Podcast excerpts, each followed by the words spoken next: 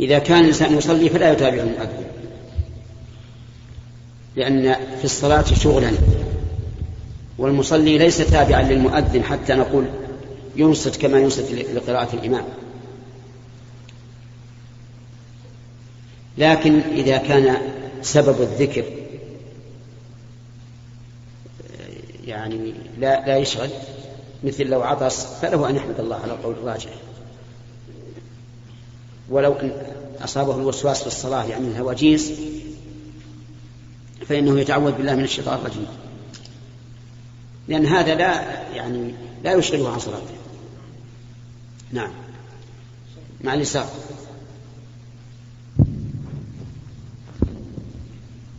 خذ فضيلة الشيخ لو رجل في رمضان يصلي أول الليل في مسجد وآخر الليل في مسجد هل يكون الأجر مثله؟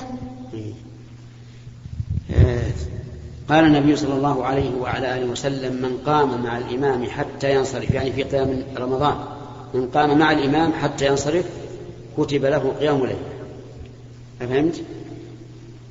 فإذا صلى مع الإمام الأول ثم صلى مع الثاني لم يصدق عليه أنه صلى مع الإمام حتى ينصرف لأنه الآن جعل قيامه بين رجلين. فيقال له إما أن تقوم مع هذا من أول ليل إلى آخره وإما أن يفوتك الأجر نعم. لا على اليمين على اليمين. على اليمين إحنا نخليهم بالعدل. عندنا في المسجد برادة للماء الشرب ويأتي عمال كفار يأخذون من هذا الماء. نعم. فهل يحق لنا أن نمنعهم؟ وأيضا دورة المياه يأتون يستحمون يوميا في هذه الدورات. هل أيضا لنا أن نمنع هؤلاء الكفار؟ لا. لأن النبي صلى الله عليه وسلم قال في كل ذات كبد حر أجر. لا تمنعهم. خلهم يشربون. ولأن ولأن الله تعالى قال في القرآن لا ينهاكم الله عن الذين لم يقاتلوكم في الدين ولم يخرجوكم من دياركم أن تبروهم وتقسطوا إليهم. إن الله يحب المقسطين. نعم. إي نعم. إي نعم. لكن ربما هؤلاء لا يرضون بفعل آه، حكومتهم. لا, لا نعم. تفضل. فضيلة الشيخ انتشر الآن في المدارس الأهلية. في؟ المدارس الأهلية. لوحات يعملوا فيها رسوم كيف الولد يصلي والبنت ويأتون بلوحات فيها رسم كيف يركع وكيف يسجد وكيف أي نعم. لوحة لقوا في لكن بالتلوين ما هو يعني اي نعم. لا بأس ما فيها ما فيها سورة الوجه بس كذا رسمة. لا بأس. ما فيها شيء. يعني مثلا تصور للطفل كيفية الركوع كيفية السجود كيفية الجلوس. نعم. نعم نعم, نعم. ليس في شيء. جزاكم الله خير. اليمين. قلت الشيخ حكم التسمي بعزيز ورحيم نحو ذلك لا بأس به لا بأس أن تسمي ابنك عزيز أو رحيم لأن هذا قد وصف به غير الله. قال الله تعالى وقالت امرأة العزيز. وقال تعالى في وصف النبي عليه الصلاة والسلام بالمؤمنين رؤوف رحيم ها؟ نعم. إيش؟ وش به؟ لا لا تسميها العزيز. إلا على سبيل الوصف. لا تجد اسما له. لكن تقول العزيز على أنه وصف مثل السلطان. والأمير لا بأس. نعم. مع اليسار فضيلة الشيخ هل يجوز أن نقول في تفسير كلمة توحيد لا إله إلا الله أن نقول لا معبود في السماوات والأرض بحق إلا الله؟ وش معنى؟ ألا يكون في تنافي بينه وبين قول الله تعالى وله ملك ما في السماوات وما في الأرض وما بينهما. ما بينهما داخل. ولهذا أحيانا لا يذكر ما بينهما ولله ملك السماوات والأرض ليجزي الذين أساءوا ولله ما في السماوات وما في الأرض ليجزي الذين أساءوا أحيانا يعني يدخل فيها. لكن الأحسن أن لا تقيد شيئا. لا إله إلا الله يعني لا معبود حق إلا الله. هذا معناه. وما أشرت إليه في القرآن وهو الذي في السماء إله وفي الأرض إله. ولم يذكر ما بينهما لأنه داخل. نعم. مع اليمين. شيخ حسن الله عليك حكم إخراج زكاة المال في غير حكم؟ إخراج زكاة المال في غير الدولة إذا كان في بلاد أخرى محتاج هل يجوز؟ الأفضل أن لا يخرج الإنسان زكاته عن بلده ما دام فيه مستحقون. هذا الأفضل. ها؟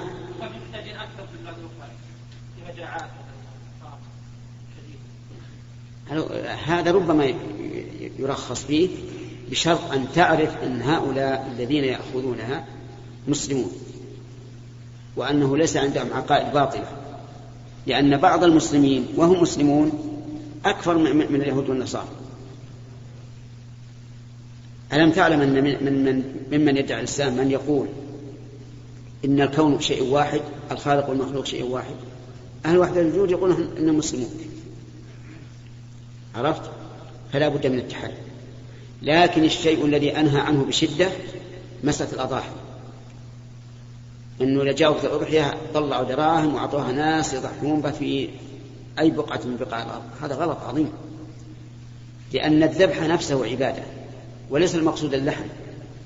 لن ينال الله لحومها ولا دماؤها المقصود التعبد لله والله تعالى قرن الذبح له بالصلاة. فصل لربك وانحر. وأمر أن نأكل منها. وكيف تأكل من شيء وهو ليس بين يديك؟ لا يمكن. وأمر أن نذكر اسم الله عليها. كيف تذكر اسم الله على شيء ليس بين يديه ثم إذا أعطيت الدراهم فيبقى عندك إشكال. أولا هل تثق بأن هؤلاء يذبحون الأضحية التي توفرت بها الشروط؟ قد يذبحون الصغير. رأيناهم في منى. قبل أن تأتي المراقبة رأيناهم يذبحون الصغير ليس له إلا أشهر ويؤولون القرآن على هذا يقول ما تيسر من الهدي وهذا اللي تيسر أتأمن هذا؟ هل تأمن أن يضحوا بسليمة من العيوب؟ لا تأمن. هل تأمن أن يضحوا في أيام الأضحية أو تكون الأضاحي عندهم كثيرة ويتأخر بعضها؟ لا تأمن. هل تأمن أن الذي يذبحها يصلي؟ لا تأمن. هل تأمن أنه يسمي الله؟ كل هذا منتفع فلماذا نخاطر؟ ثم إذا قلنا بهذا واعتاد الناس هذا الشيء خلت البلاد من هذه الشعيرة العظيمة وهي ذبح لله. لأن كل إنسان يقول الحمد لله.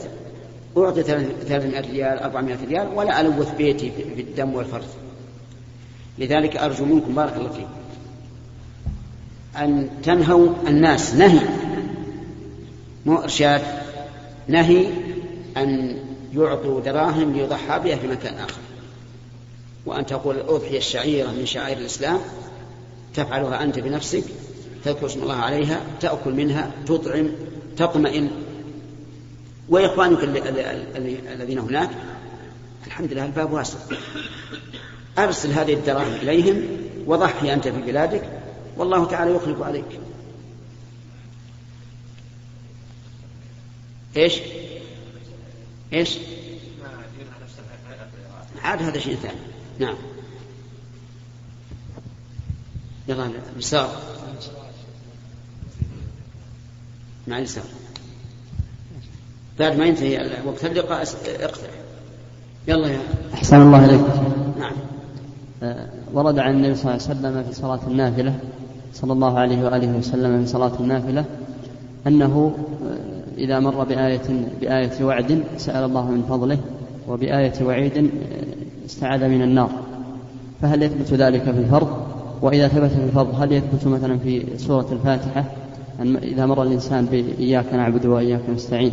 يقول استعنا بالله وغيرها أما النافلة فنعم في صلاة الليل كان الرسول عليه الصلاة والسلام كما وصف ذلك حذيفة إذا مر بآية بآية تسبيح سبح وبآية رحمة سأل وبآية عذاب تعوذ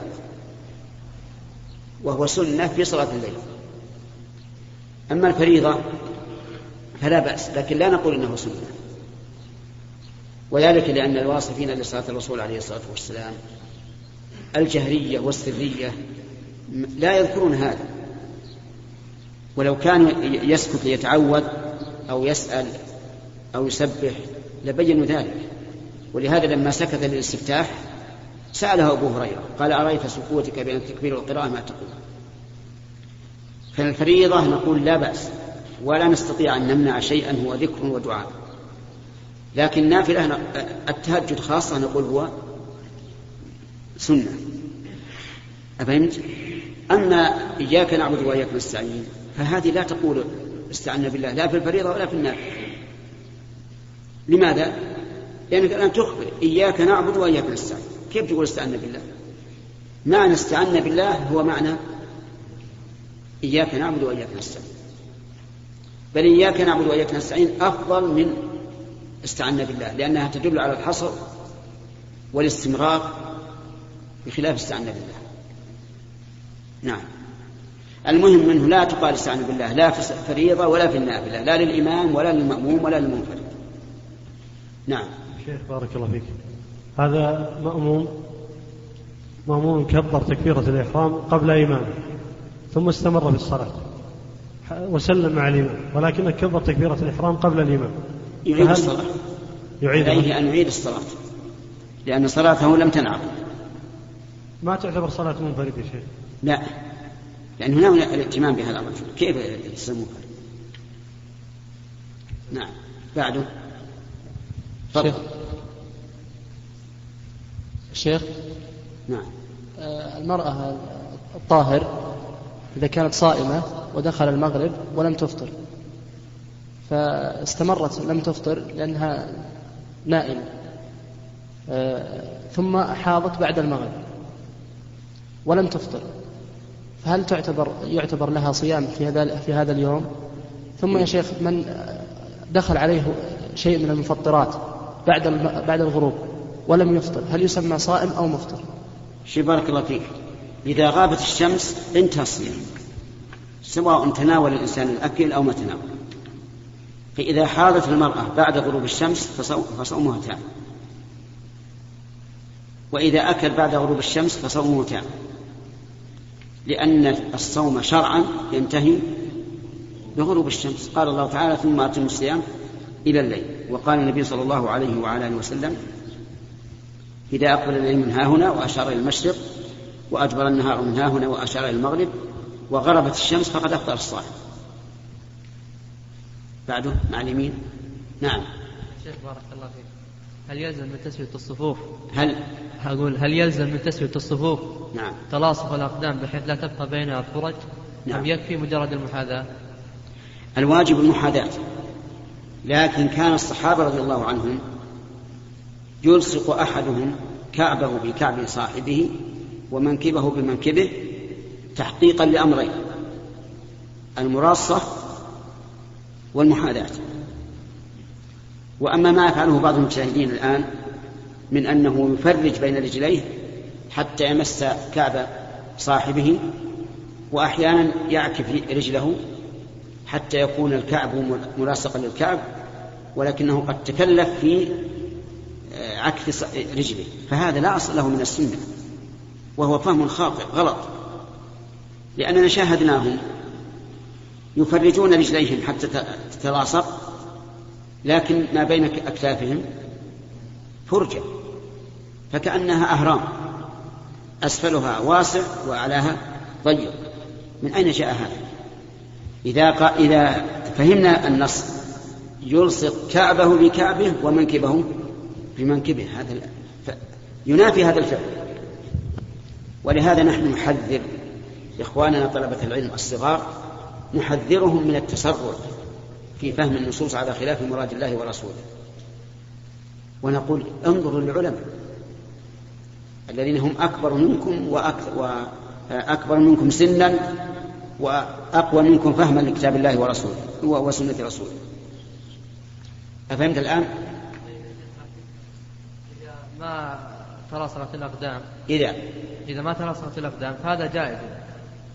هي الجواز جائز بس لا يكون فرجة لا يكون فرجة ما لأنك الآن لو مس المنكب المنكب قد يكون الرجلين مضمون بعضها إلى بعض يعني متقارب هذا لا يضر.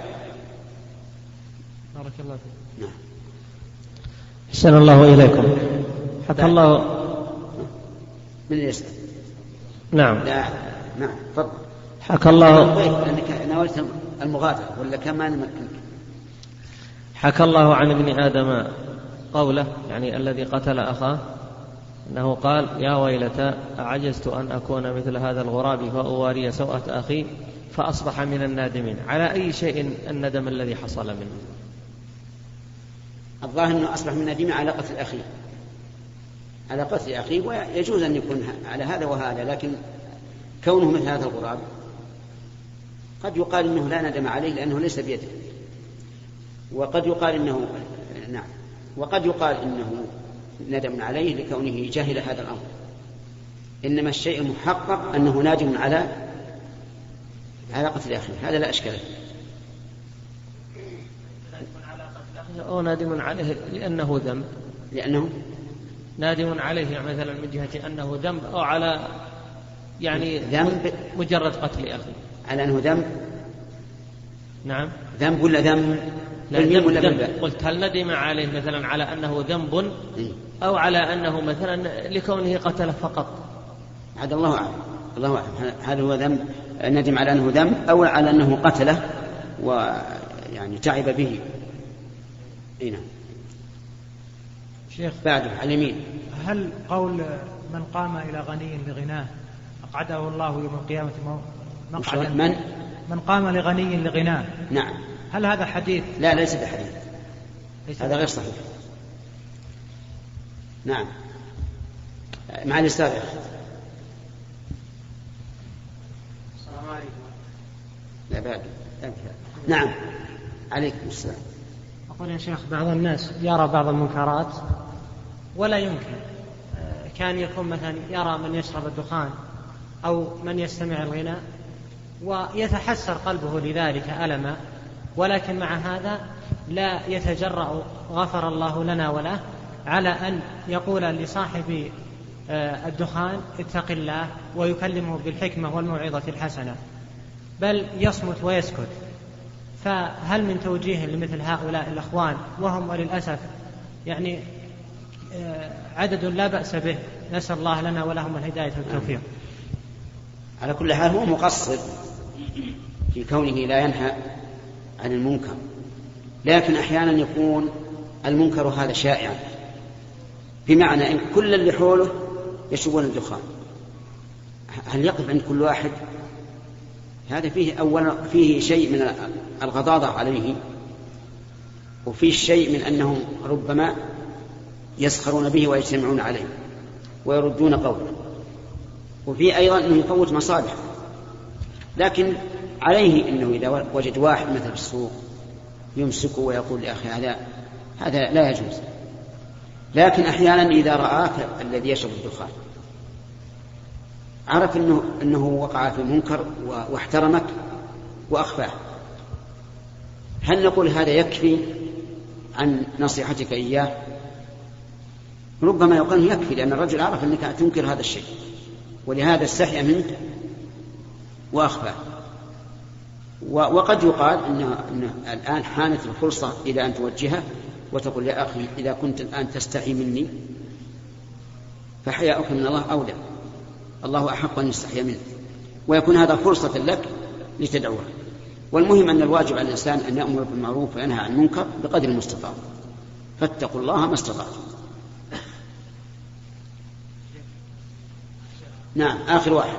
يا شيخ فيه الآن بعض الناس يعمد عند قبور وضع بعض الألوان عند النصائب وبعض العلامات قطعة حديد أو خشب لأجل تمييز قبر مثل أبيه عند الزيارة مثلا. نعم أعيد السؤال. يقول بعض الناس يا شيخ في القبور يعمد إلى وضع بعض الألوان عند النصائب نعم. وبعض العلامات قطعة حديد أو خشب حتى يميز قبر أبيه من غيره عند الزيارة. نعم. فما حكم ذلك يا شيخ؟ لا بأس به لا بأس أنه يضع علامة لكن البوية والجص أرى أنه لا, لا, لا يستعملها لأن النبي صلى الله عليه وعلى آله وسلم نهى أن يجسس القبر.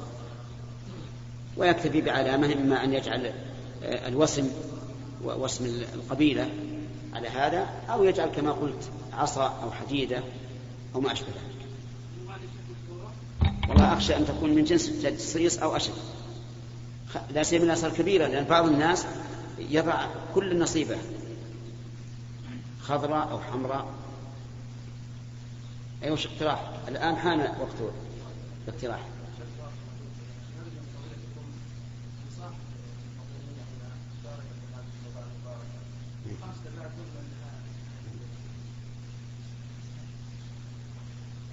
ماذا تقولون؟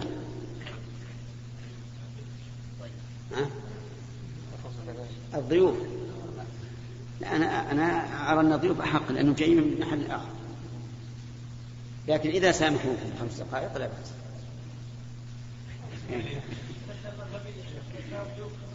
نعم. تنتهي الأسئلة ويبقى للمقيمين ها؟ وهو. طيب أنا أنا أعطيتكم ساعة.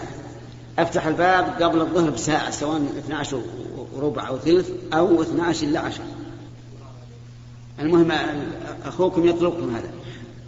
توافقون ولا ما توافقون؟ لا أنتم مقيم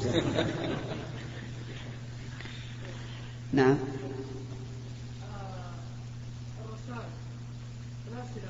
الضحى فهل أصلي في السيارة؟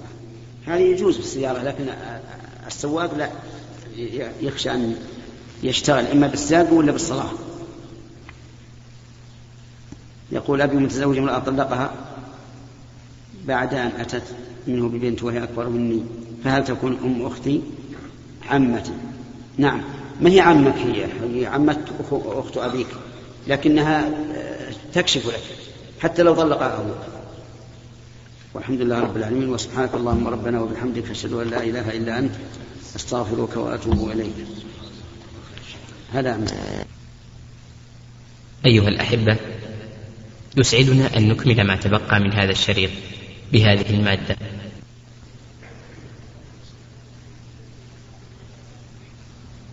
الحمد لله وكفى وسلام على عباده الذين اصطفى. وأشهد أن لا إله إلا الله وحده لا شريك له له الحمد في الآخرة والأولى وأشهد أن محمدا عبده ورسوله المصطفى وخليله المجتبى صلى الله عليه وعلى آله وأصحابه ومن بهداه مهتدى وسلم تسليما كثيرا. أما بعد فيا أيها الناس إننا لم نذكر ما ذكرناه في الخطبة الأولى في هذه الجمعة إلا ليتبين بذلك أمران. أحدهما سفه أولئك الذين يدعون إلى تسوية المرأة بالرجل أو أن لها من الحقوق مثل أو أن لها من الحقوق مثل ما للرجل لأن هذا يخالف شريعة الله ويخالف فطرة الله ويخالف محال المرأة التي تحتاج إلى تقويم. ولهذا قال الله عز وجل الرجال قوامون على النساء بما فضل الله بعضهم على بعض وبما أنفقوا من أموالهم. أما الأمر الثاني فإنني أحمل ولاة النساء المسؤولية عما يجري من بعضهن من السفه في التهاون بالحجاب والتهاون بترك الطيب إذا خرجن إلى الأسواق. فإن بعض النساء صارت تتهاون بالحجاب شيئا فشيئا ولا ندري ماذا يكون المستقبل إن لم نكبح جباحها إن لم نكبح جباح هذا الفكر الذي ينافي ما عليه الدين الإسلامي من أمر المرأة من أمر المرأة بالتستر وعدم التبرج. يقول الله تعالى لنساء النبي صلى الله عليه وعلى آله وسلم وهن أشرف النساء وأبعدهن عن الريبة وهن بين صحابة الرسول صلى الله عليه وسلم الذين يحافظون على أمهات المؤمنين أشد مما يحافظون على أمهاتهم وبناتهم. يقول الله لهن وقرن في بيوتكن ولا تبرجن تبرج الجاهلية الأولى وأقمنا الصلاة وآتينا الزكاة وأطعنا الله ورسوله. إنما يريد الله ليذهب عنكم الرجس أهل البيت ويطهركم تطهيرا. وفي هذا دليل على أن تبرج المرأة تبرج الجاهلية وعدم قرارها من الرجس لأن الله تعالى قال وعدم قرارها في بيتها من الرجس لأن الله تعالى قال في تعليل هذا الحكم إنما يريد الله ليذهب عنكم الرجس ويطهر أهل البيت ويطهركم تطهيرا. وإن المسؤولية في هذه المسؤولية في هذه على الرجال يجب عليهم أن أن يتتبعوا نساءهم وهل يخرجن إلى الأسواق لحاجة أو لغير حاجة؟ وإذا خرجن فكيف خروجهن؟ لقد, لقد رأيت وسمعت أن بعض النساء يتهاون في النقاب وذلك أن النقاب كان معروفا في عهد النبي صلى الله عليه وعلى آله وسلم. تنقب المرأة بعينها خرقا يسيرا من أجل أن تنظر به الطريق.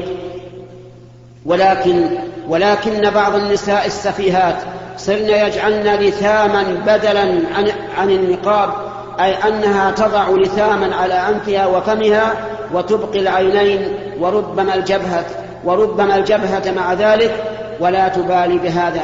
تمشي في الأسواق. ولتعلم هذه المرأة أنها خالفت الحق وأن من تأسى بها فعليها فعليه وزره وعلى هذه المرأة التي, التي فتحت هذا الباب وزر وزره أيضا. قال النبي صلى الله عليه وسلم من سن في الإسلام سنة سيئة فعليه وزرها ووزر من عمل بها إلى يوم القيامة. ولقد ظهرت بلية أخرى وهي ما يفعله بعض النساء من لبس ما يسمى بالسراويل والتي تتصل بالصدر. الاسم؟ البنطلون. لبس البنطلون. كلما تأمله الإنسان وجد أن مقتضى الكتاب والسنة يدل على منعه لأنه يكشف عن فخذي المرأة عن حجمهما وعن حجم ساقيها وهي وإن كانت تدعي أنه واسع اليوم فسوف يكون ضيقا بالغد. وربما تستعمل النساء بنطلونات مثل لون الجلد فتصبح إذا لبستها وكأنها عارية. لأن تدرج النساء في هذا التدهور أمر معلوم. لذلك أرى أن على الرجال أن يمنعوا نساءهم الصغيرات والكبيرات من لبس البنطلون لما يفضي إليه من كشف العورة ولو على المدى الطويل وأظنه لو سمح لهن فسيكون ذلك على المدى القريب. وفيه أيضا نوع من التشبه بالرجال وقد لعن النبي صلى الله عليه وسلم المتشبهات من النساء بالرجال. فعليكم أيها الرجال عليكم مسؤولية عظيمة والله لا تنجون منها إلا إذا قمتم بها على الوجه الذي أمرتم. إن من المؤسف جدا أن الإنسان يراعي ماله. أحصل فيه نقص أم فيه, أم فيه ربح؟ ولو ضاعت له شاة لبحث عنها. فكيف بنسائه الذين اللاتي حمل هو رعايتهن ومسؤوليتهن؟ عليكم أيها الرجال أن تتقوا الله في نسائكم وأن تمنعوهن مما لا ينبغي أن يفعلنه قبل أن يستفحل الأمر. ثم لا تستطيعون أن أن تسيطروا عليه. وأما ما بيناه في الخطبة من اختلاف النساء والرجال في الأحكام الشرعية والقدرية فلسنا نريد بذلك أن نهون من شأن المرأة. إن الذي ينادي باحتجاب المرأة وبقائها في بيتها هو والله الذي أكرمها حقيقة وليس الذي ينادي بتفسخها وينادي وينادي بهتك سترها إن هذا هو الذي ينادي بالإساءة إليها. أما الذين ينادون بمحافظتها على ما جاء في شريعة الله وما جاء في نساء سلف هذه الأمة فهم والله الذين يكرمونهن وهم الذين يؤتونهن حقوقهن. أسأل الله تعالى أن يحمي بلادنا من شرور الفتن. اللهم احم بلادنا من شرور الفتن ومن مضلات المضلين يا رب العالمين. اللهم قو ولاة أمورنا على قمع الفساد والمفسدين. يا أرحم الراحمين يا ذا الجلال والإكرام. ربنا اغفر لنا ولإخواننا الذين سبقونا بالإيمان. ولا تجعل في قلوبنا غلا للذين آمنوا. ربنا إنك رؤوف رحيم. أقول أيها الإخوة في ختام هذه المادة نسأل الله أن نلقاكم في لقاءات متجددة. مع تحيات. مؤسسة الاستقامة الإسلامية للإنتاج والتوزيع في عنيزة. شارع هلالة رقم الهاتف والناسخة الهاتفية صفر ستة ثلاثة ستة أربعة ثمانية ثمانية ثمانية صفر والرقم الثاني صفر ستة ثلاثة ستة أربعة خمسة ثمانية ثمانية صفر ورقم صندوق البريد اثنان وخمسمائة.